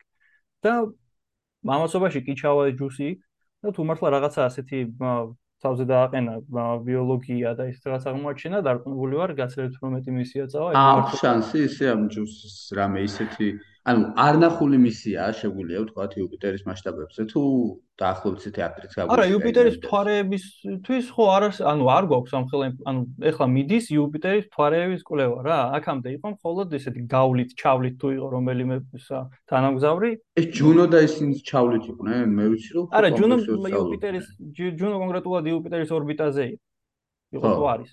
ანუ მის არის იყო იუპიტერის ორბიტაზე და იუპიტერის გარშემო. და იუპიტერის ეს იყო რა ქვია ტოპოგრაფიული ასე ვთქვათ რუკის შესაქმნელი რა. ნუ მართალია და იკვლევდა იუპიტერის ამ გრავიტაციულ ველს, მაგნიტურ ველს და მაგალითად აი ხო ვახსენე იო პლანეტა იო იმის გამო რომ ეს გამყოლია გული ისე როგორც დედამიწას ეს გამყოლი გული არსებობს ერთი მექანიზმი ქვია კოსმოსური დინამო, კოსმოსურია, აღარ მოხს, ნუ დინამო არის, ანუ როგორც მასში ჰიდროელექტროსადგურშია დინამოები, წყალი რო ატრიალებს და დენს რო წარმოქმნის, მასე არის ეს გამღვალი მასა რკინის და ნიკელის რო მოძრაობს, წარმოქმნის დენს რა ფაქტიურად ელექტრომაგნიტურ ველს და ეს მაგნიტური ველი იოსი, იმის გამო რომ ასეთი აქტიურია, რომელიც ასევე იუპიტერის დამსახურებაა, ცვლის იუპიტერის იმას მაგნიტურობას. ანუ არ არის ეს იუპიტერის მაგნიტური ველი ერთგვაროვნ და რაღაც სფერული რა. ანუ იო იმდენად იმდენად გავლენა აქვს, რომ ცოტა გამოწელილია მხარე, სადაც იო იყურება. და ეს არის რა ქვია, რაღაცა ეგეთ მომენტები დააფიქსირა მაგალითად ჯუნო.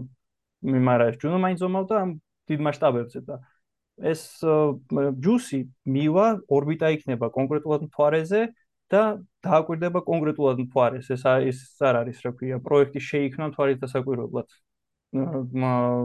და შესაბამისად ეს ყველა აპარატი კიდე ჩვეულებრივი ფოტოაპარატები აიღერაце და ჩვეულებრივი არა მაგრამ ჩვენ გინდა ხილული სპექტრის ფოტო სენსორები ან ფოტოაპარატებში ასდებს ისინი აიღე გინდა ლაზერული სენსორები გინდა რადარები სულ ერთია ყველა არის გათვლილი იმაზე რომ რა შეიძლება ღმად ჩაიხედოს ამის თვარის გულში და ნახოს რა ხდება რა მიმდინარეობს ამას შეუძლია დააკვირდეს აი რა შეუძლია მაგალითად აღმოაჩინოს შეუძლია ნახოს რა ნივთიერებებს შეიცავს რა ნივთიერებები გვხვდება კომპოზიცია მის ოკეანის. და ესეთი ეს არა ზუსტი მაგრამ ყოველ შემთხვევაში მაინც საკმაოდ ბევრი მომცელი ინფორმაცია ანუ აღმოაჩინოს პირდაპირ რაღაც ბაქტერია ეგეთი რაღაცა არ მოსულა რა ეგეთი სიზუსტის მესენი დაანდგარები არა აქვს. მაგრამ რო აღმოაჩინოს რომ ამ ამის იმაში ამ სპექტრში ან ამ რაღაც იღმეში არის ნიუტიერებები რომლებიც რომლებიც ну ესე უბრალოდ იმაში ზის და სისტემაში რაიმთიერებიც არსებობს არის ჰელიუმი წყალბადი და მე ვარსკვლავების არსებობის ცხოველქმედებიდან მიღებული ნიუტიერებები რაც ხრჩება თუ ჩვენ რაღაცა სპექტრს დაინახავს რაც მოსახლეობის ხოლმე ვერ მიაწერს აი ეგ იქნება მაგალითად საინტერესო ძალიან ყოველ შემთხვევაში მაგრამ არაფრის მქმელი ესე ცალსახად რა. იქნება ძალიან საინტერესო შეიძლება გამოიწვიოს უფრო მეტი მისიის გაგზავნა მაგრამ ანუ დიდ ხარად გრანდიოზულ აღმოჩენებს არ ველი მე ჯუსისაგან ველი იმას რაც სულის ჩამდგენი მისია რა შეიძლება ასე ითქვას. თუ წარმატებულია მაშინ მეტი მისია წავა. კი ბატონო კი ბატონო, მოკლედ ამ ეტაპზე შეგვიძლია ის ვთქვათ იუპიტერზე და დავალოდოთ რას? დავალოდოთ დროს ალბათ და მონების განვითარებას და მე პირადად ველოდები ტექნოლოგიის განვითარებასაც იმ დონეზე, რომ შეუძლოთ უფრო შორს მანძილებზე წასვლათ და რა ვიცი იუპიტერი ჩვენთვის შედარებით ახლობელი გახდეს. ისევ ახლოს ყოფი როგორიც მაგალითად ამ ეტაპზე მთვარეა. ხო და აი მე ვიცი რომ რაღაცები გინდოდა შენ კიდე მოგეყოლა ასე თემები და აი სანამ საბოლოოდ დავასრულებდეთ მოდი რაღაც მოგვიყვება. მე პირადად ხო მოყვებით იმას რომ იუპიტერთან იუპიტერზე ვლაპარაკობ და შეიძლება არ ვახსენოთ გალილეო ჯერ ჩემი მართლა ნუ გენიოსი იყო რა რომ ამბობენ ზოგიერთ ადამიანზე ისტორიაში გენიოსი იყო უნდა დაიჯერო გალილეოზე იყო რომ აა მაგან აღმოაჩინა როგორც თქვი ეს მაგან და მე მაერ აღმოაჩინეს ეს დამოუკიდებლად მაგრამ აღმოაჩინა როგორ აიღო ტელესკოპი რომელიც აქამდე სამხედრო ხელსაწყო იყო. ველის ეს სარდალმა რო დაზვეროს რა ხდება ბრძოლის ველზე აიღო და აიღე და ცაში. აი რა ცაში და დაინახა რა ნებისმიერ ადამიანს შეუძლია ბინოკლიან რამე ტელესკოპი თუ გაქვთ მოწმენდილი ცა თუ არის და თვარე თუ არ არის ანუ ახალი მთვარეა რო ახედოთ ცას ვარსკვლავები რომელსაც ხედავ შიშველი თვალით და ვარსკვლავების რაოდენობა რომელსაც ხედავ ტელესკოპით არის ნუ შეუდარებელი სხვაობა არის მოჭედილია მართლა ეს ის პატარა წერტილი რასაც უყურებ ამ ტელესკოპში მაგაზე უფრო მეტ ვარსკვლავს ხედავ ვიდრე აი ერთ იმაზე რა ეს ხელებს თუ შეკრა ერთი წრე ცაზე და იქ აიხედო მაგაზე უფრო მეტ ვარსკვლავს დაინახავ ამ ტელესკოპში. ანუ ხო თითქოს რა ისა, რა ქვია, მაგრამ ნუ მაგ დროისთვის ეს იყო უდიდესი აღმოჩენა. იმიტომ რომ არისტოტელიდან მოყოლებული ისწავლებოდა, რომ კოსმოსი არის იდეალური. არის რაღაცა იდეალური მათემატიკური იდეალი იყო რა, რაღაცა მაგათვის. და თუ არის იდეალური, ნიშნავს რას? რომ არის უცვლელი. რატო? იმიტომ რომ თუ შეიცვალა, მაშინ საითაც არ უნდა იყოს ეს ცვლილება ყველა ვარიანტში უკვე იდეალურს ზე ნაკლები უნდა იყოს, ხო? იმიტომ რომ იდეალური არის პიკი, რაც არის. და არისტოტელიდან მოყოლებული იყო იდეა, რომ კოსმოსია იდეალური, ციური სხეულები იდეალური, ანუ ვარსკვლავები არის რაღაც მათემატიკური წერტილები, ციური სხეულები არის იდეალური სფეროები, მოძრაობენ იდეალურ სფეროებზე და არა ნუ ელიფსებზე როგორც დღეს ვიცით და ასე შემდეგ. და ნუ ეს პირველი აღმოჩენა იყო გალილეოს, რომ ახედა და ტელესკოპში აშკარა ჩანს, რომ გასაგებია თუ რაღაცას ხედავთ, რასაც თვალით, ანუ ნუ არ ხედავთ სრულ სურათს.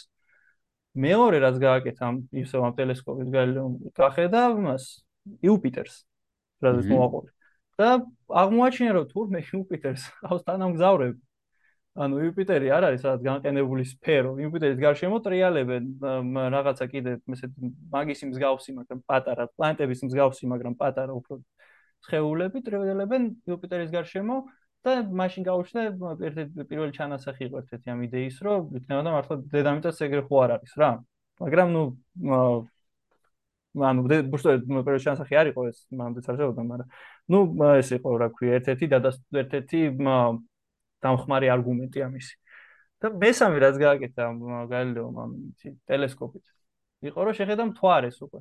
არასავსე მთვარეს, აი ნახევარ მთვარეს და გამყოფი ხაზი ამისი ბნელი და ნათელი მხარეს მაგას ნუ ტერმინატორს ეძახიან, მაგრამ რა აზრი რა ქვია.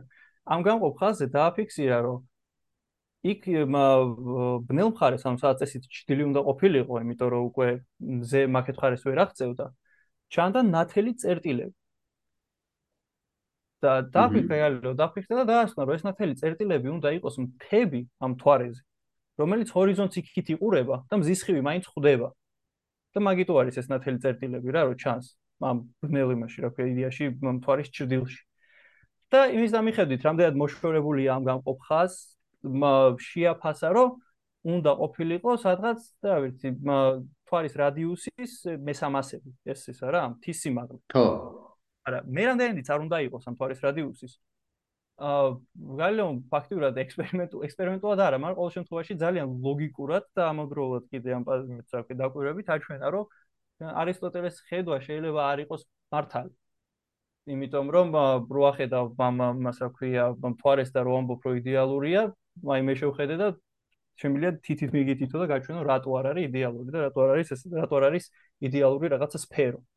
ხო. და ეს მაგის მერე მე დავწუნდი რომ მართლა გალილეო რაღაცა განსაკუთრებული ჭკუის ადამიანი იყო.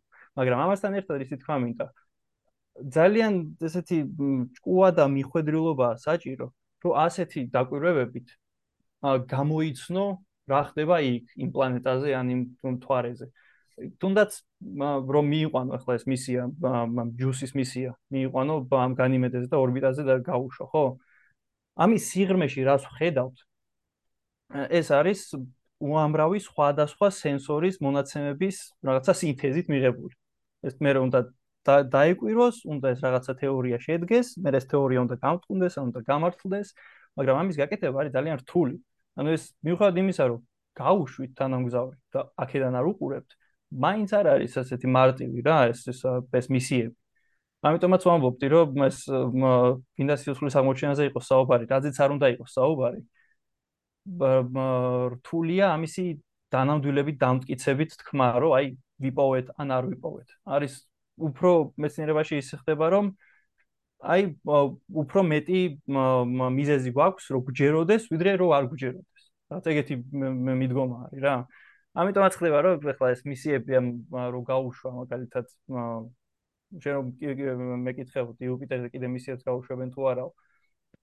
არ ვიცით ჯერ არ გვაქვს საკმარის მონაცემი, არ ვიცით ღირს თუ არა. იმიტომ რომ თულია რა, ეხლა უნდა გაუშვა, უნდა მექანი ელოდო, მე უნდა ჩავიდეს, უნდა გაფუჭების და იმის garaში ჩავიდეს, არა და უწევს კოსმოსის გავლა, სადაც ნუ ჯერ მიკრომეტეორიტებია, ესენია რა ქვია, გამოსხივება რა არ არის, სიცივია და ამ ყველაფერს უნდა გაუძლოს 8 წლის განმავლობაში, უნდა ჩავიდეს, უნდა დააკვირდეს. უნდა რაღაცა გრაფიკები მოგწეს და ამ გრაფიკებიდან უნდა დავასწროთ ჩვენ ახლა იქ სიცოცხლე არის თუ არა?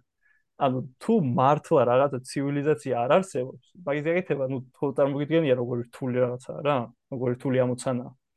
და ამიტომაც ჯერ ველოდებით გავუშვებთ ნახავთ რა მოხდება ამასობაში ჩვენ აქ დავხვეწავთ იმას მოგზაურობას შეიძლება მანამდე თვარეზე დავეშვათ შეიძლება მანამდე მარსზე დავეშვათ კაც მარიცის და უკვე მეરે დავიწყებთ იმაზე ფიქრს იქით წავიდეთ თუ არა მაგრამ მიხედავად ამისა არაერთი მისია არის, რომელიც წასულა იუპიტერზე შორს. მაგალითად, კასინი, რომელიც გაუშვეს სპეციალურად სატურნზე დასაკვირვებლად, ისე როგორც ჯუნო იყო სპეციალურად იუპიტერზე. იყო ეს New Horizons-ი, როგორც მახსენე თუ არ მიხსენები არ ვიცი. პლუტონის მისია, რომელიც იყო, რომელმაც იუპიტერს ასევე ჩაუბარა, flyby გაუკეთა, იმიტომ რომ ისე slingshot-ით უნდა საკმაოდ სიჩქარე აიღო, გაფრენილიყო. და აქედანაც ანუ წარმოიდგინე ამ New Horizon-დან აღებული data გვაქვს ამ იუპიტერზე, კასინი, რომელმაც იუპიტერს გაცდა მივიდა სატურნთან, მაგითი მიღებული data გვაქვს კიდე ამ მასე იუპიტერზე. ახლა კიდე დამატებით data-ს ველი და ეს ყველაფერი ერთად უნდა შეკრიბო ხა და რაღაცნაირ მუშა თეორიად ჩამოაყალიბო. რაც ნუ უაღრესად რთულია. ეს კიდე თუნდაც ისე გალილეოს მაგალითი რომ მოიყვანო, ხო? თითქოს რა მარტივი რაღაცაა რა, რა მარტივი თეორია, რა მარტივად ხსნის. მაგრამ მიდი და დაამტკიცე რომ ეხა იქ რაღაც ორი ლამპიონი არ დგას რომელიც ანათებს ანუ ყოველდღე რასაც ვამბობ რა ანუ გამტყუნება თეორიის მუღამი არის იმაში რომ თეორია უნდა იყოს გამტყუნებადი და არა იმაში რომ შეიძლება დაამტკიცო ანუ თეორია უნდა იყოს გამტყუნებადი და უნდა ვერ გაამტყუნო ეგ არის თეორიის სიძლიერე. ამიტომაც ეხა ეს იდეები რომ სიცოცხლე იქნება თუ არა რაღაცა იქნება თუ არა ის იქნება ეს არ იქნება მაგალითად შეიძლება საკმაოდ რთულია. კი ძალიან საინტერესოა მაგრამ ძალიან რთულია. უბრალოდ ისა ამის ხდება მინდა, იმიტომ რომ ძალიან ხშირად ხდება ხოლმე რა ეს ხალხი ამაზე ლაპარაკობს, მეც მიყვარს ამაზე ლაპარაკი, მაგრამ აყენებს ამ სამეცნიერო საკითხები რაც არის იმასთან ახლოს და სამეცნიერო საკითხების ნამდვილეში ის რასაც მეცნიერები მართლა სერიოზულად უყურებენ, ეს პოპულარული მასებისთვის შეიძლება მოსაწყენია რა. მეცნიერები შეიძლება მაგათთვის საინტერესო იყოს ჩემსავით რა, ეხლა ჩემთვის მე რასაც ვაკეთებ საინტერესოა, მაგრამ ну, როცა ხვდები რომ sci-fi-ში რა შეიძლება მოხდეს, იმასთან შედარებით, ну, არაფერი არ არის. ესე რომ ეს მინდა ეს სამეცნიერო სიმკაცრე უბრალოდ გავაგონო ხალხს რა არის რა. თეორია არ არის ის რაც არის მართალი, თეორია არის ის რაც შეიძლება იყოს ტყუილი და ვერატყუ, ვერამტყუნო. ეგ არის თეორია. ეგ არის სამეცნიერო თეორია. ასე რომ სიოცლის მოკლედ ევროპა რეპორტს რაც იქნება მეგობრებო ფილმში მთლად ეგრე არ იქნება. ხადეგრე ანუ მოაგის მოხდინი ნუ გექნება. მაგრამ ეგრე თუ მივედით და დავინახეთ, მაშინ მაშინ ახე შენ ისა ქვია აურზაური. ხო, ნუ ეგეც ხო არის ხო, რომ რაღაც დონეზე იდეაში არც ეგ არ არის გამორიცხული რა, ვაფშება ისეთი რაღაცები არსებობს, ნუ იპერზე არ მოხს აქ საუბარი. ზოგადად კოსმოსში სამყაროში რომ ჩვენ თუ მთელი სამი საუკუნე მოვინდომოთ, მაინც ვერ გადავიღოთ როგორც ფილმი და ვერ დავწეროთ ეგეთ ფანტასტიკა, როგორც სინამდვილეში შეგვიყოს სამყაროში რაღაცები. მე მაგის ჯერა ყოველ შემთხვევაში, რომ სამყარო ჯერ კიდევ გაგვაოცებს და კალსეიგანს აქვს სხვა შორის ეგეთი ნათქვამიც, რომ რაღაცა განსასვიფრებელი თუ გასაოცარიო ელოდებაო, როდის აღმოაჩენენ. და აი მაგ მიმართულებას მიუყვები მე მე ბაი. როგორც ალბათ ნამდვილად ნამდვილად გეთანხმები მაგაში რომ მეცნიერება ძალიან საინტერესოა. არა საჭირო საიფაიში გადახტომა საიფაი კი საინტერესოა მაგრამ მეცნიერებაში რაც ხდება რასაც აღმოაჩენთ ეს თუნდაც ბიოლოგია აირე უბრალოდ აი ძალიან მაგარი მაგალითი იმისი ალტერნატიული ბიოლოგია ხო ვახსენე ამ ტიტანზე და რაღაცეებზე არის მაგალითად ცოცხალი ორგანიზმები შედგებიან, ესე ვქენ, თოთ ორგანიზმებში გვაქვს ეს შაქრები და ესენი ნუკლეოდური ბაზები, ხო, ნუკლეოდური ბაზებისგან შედგება დნმ, შაქრები არის, ну, ენერგიის წყარო. იმის გამო თუ როგორ არის მოწყობილი ეს სიცოცხლე და ევოლუცია როგორ განვითარდა, აა ეს შაქრები და ეს ესე ვქენ, ნუკლეოდური ბაზები არსებობს მარტო ერთი ტიპის. სინამდვილეში ქიმიურად, ანუ ლაბორატორიაში რო გააკეთო, ხო, რაღაცა მაგალითად გლუკოზა რო ლაბორატორიულად მიიღო. მიიღებ ეგრეთ წოდებულ მარჯვენა და მარცხენა გლუკოზას. ანუ ერთმანეთის სარკული ანარეკლებია რა მოლეკულები. სარკული ანარეკლია ნიშნავს იმას, რომ წარმოიდგინე გიჭირავს მოლეკულა, არე რაღაც სარკეში ჩაახედე, გადაიღე სურათი და ხელში რაც გიჭირავს, იმას ვერ მოატრიალებ, ანუ მარტო მოbrunებით ვერ მისცემ სარკული ანარეკლის ფორმას. ანუ განსხვავდება ერთმანეთისგან. მიუხედავად იმისა, რომ ერთი და იგივე რაღაცის მოლეკულა იდეაში რა. და ისე არის მოწყობილი სიცოცხლე, რომ ყველა ესა რა ქვია შაქარი არის მარჯვენა და ეს ნუკლეოდური ბაზები არის მარცხენა. ანუ პოტენციურად ესეთი სიცოცხლე რომელსაც შაქარი აქვს მარცხენა და ნუკლეოდური მარჯვენა, ან ნებისმიერი სხვა ვარიაცია ამისი, არის ეს ალტერნატიული ბიოლოგიის ესა რა ქვია კვლევის წყარო. იმიტომ დედამიწაზე ამის მაგალითი თითქმის არ ვეფო არ გვაქვს ეგეთ არ ვიცი, მაგრამ ფაქტია რომ მე ნამდვილად არ ვიცი. ანუ წარმოგიდგენია როგორი ცნაური არის ეს ყველაფერი აგებულება. ისეთი რაღაცა არაფერში არაფერზე გავლენას თითქოს არ ახდენს. არ ჩანს. მაგრამ ნუ ადამიანო კაცობრიობა მოახერხა და აღმოაჩინა ესეთი თავისებურება ესეთი კანონზომიერება იმაში ციტოცხლეში ნუ ცოცხალ ორგანიზმებში ეუგო ფანტასტიკაა ახლა რა თქვია მარცხენა მარჯვენა ორგანიზმებში არ არის მაგრამ სინამდვილეში ქიმიურად შეიძლება მივიღოთ ხო? მაგითი კიდე დამტკიცდა რომ ეს ბიოლოგიური მანქანები რაც ჩვენ ორგანიზმში მუშაობს რაც გამ იმას ქმნის რა მაგალითად ჩაქარს გარდაქმნის ან რაღაცა საკეთ აი იმაში რა ქვია სცენარებში მიიღებს წყალს CO2-ს სინათლეს და აქედან შექმნის ამ მოლეკულებიდან ააწყობს შაქარს იმის გამო რომ ამის ბიოლოგიური ქარხანა არის მოწყობილი რაღაცნაირად ამას შეუძლია მაწოს ერთი ტიპის შაქარი მარტო შეუძლია აწოს მარცხენ თაცია ეს არის არის მარჯვენა მე მგონი მარჯვენა გლუკოზა. ამერია თუ არა მე არ ვიცი, მაგრამ უბრალოდ რას ვახსენებ რა? ბესიერებაში არა თაც რომ შორტს წახვიდე რომ რაღაც უცნაურობები დაინახო, რომელიც მართლა ისე ყურადღების მიქცევა შეუძლია. არ ვიცი ჩვენ ამდენად მქონს ეგ, მაგრამ მე პირადად ჩემთვის ეს გასაოცარია. იმიტომ რომ სარკულად რო არ ეკლო ადამიანი, სხვა ადამიანი, სხვა სიცოცხლეა რა, ფაქტიურად. სხვა სხვა ორგანიზმი. ძალიან ძალიან გაზვიადებულად რო ვთქვა. მაგრამ უბრალოდ მაგით მაგალითად მოყავს, რომ არის უცნაურობები ხდება მისა მეცნიერებაში ისეთი, რომელიც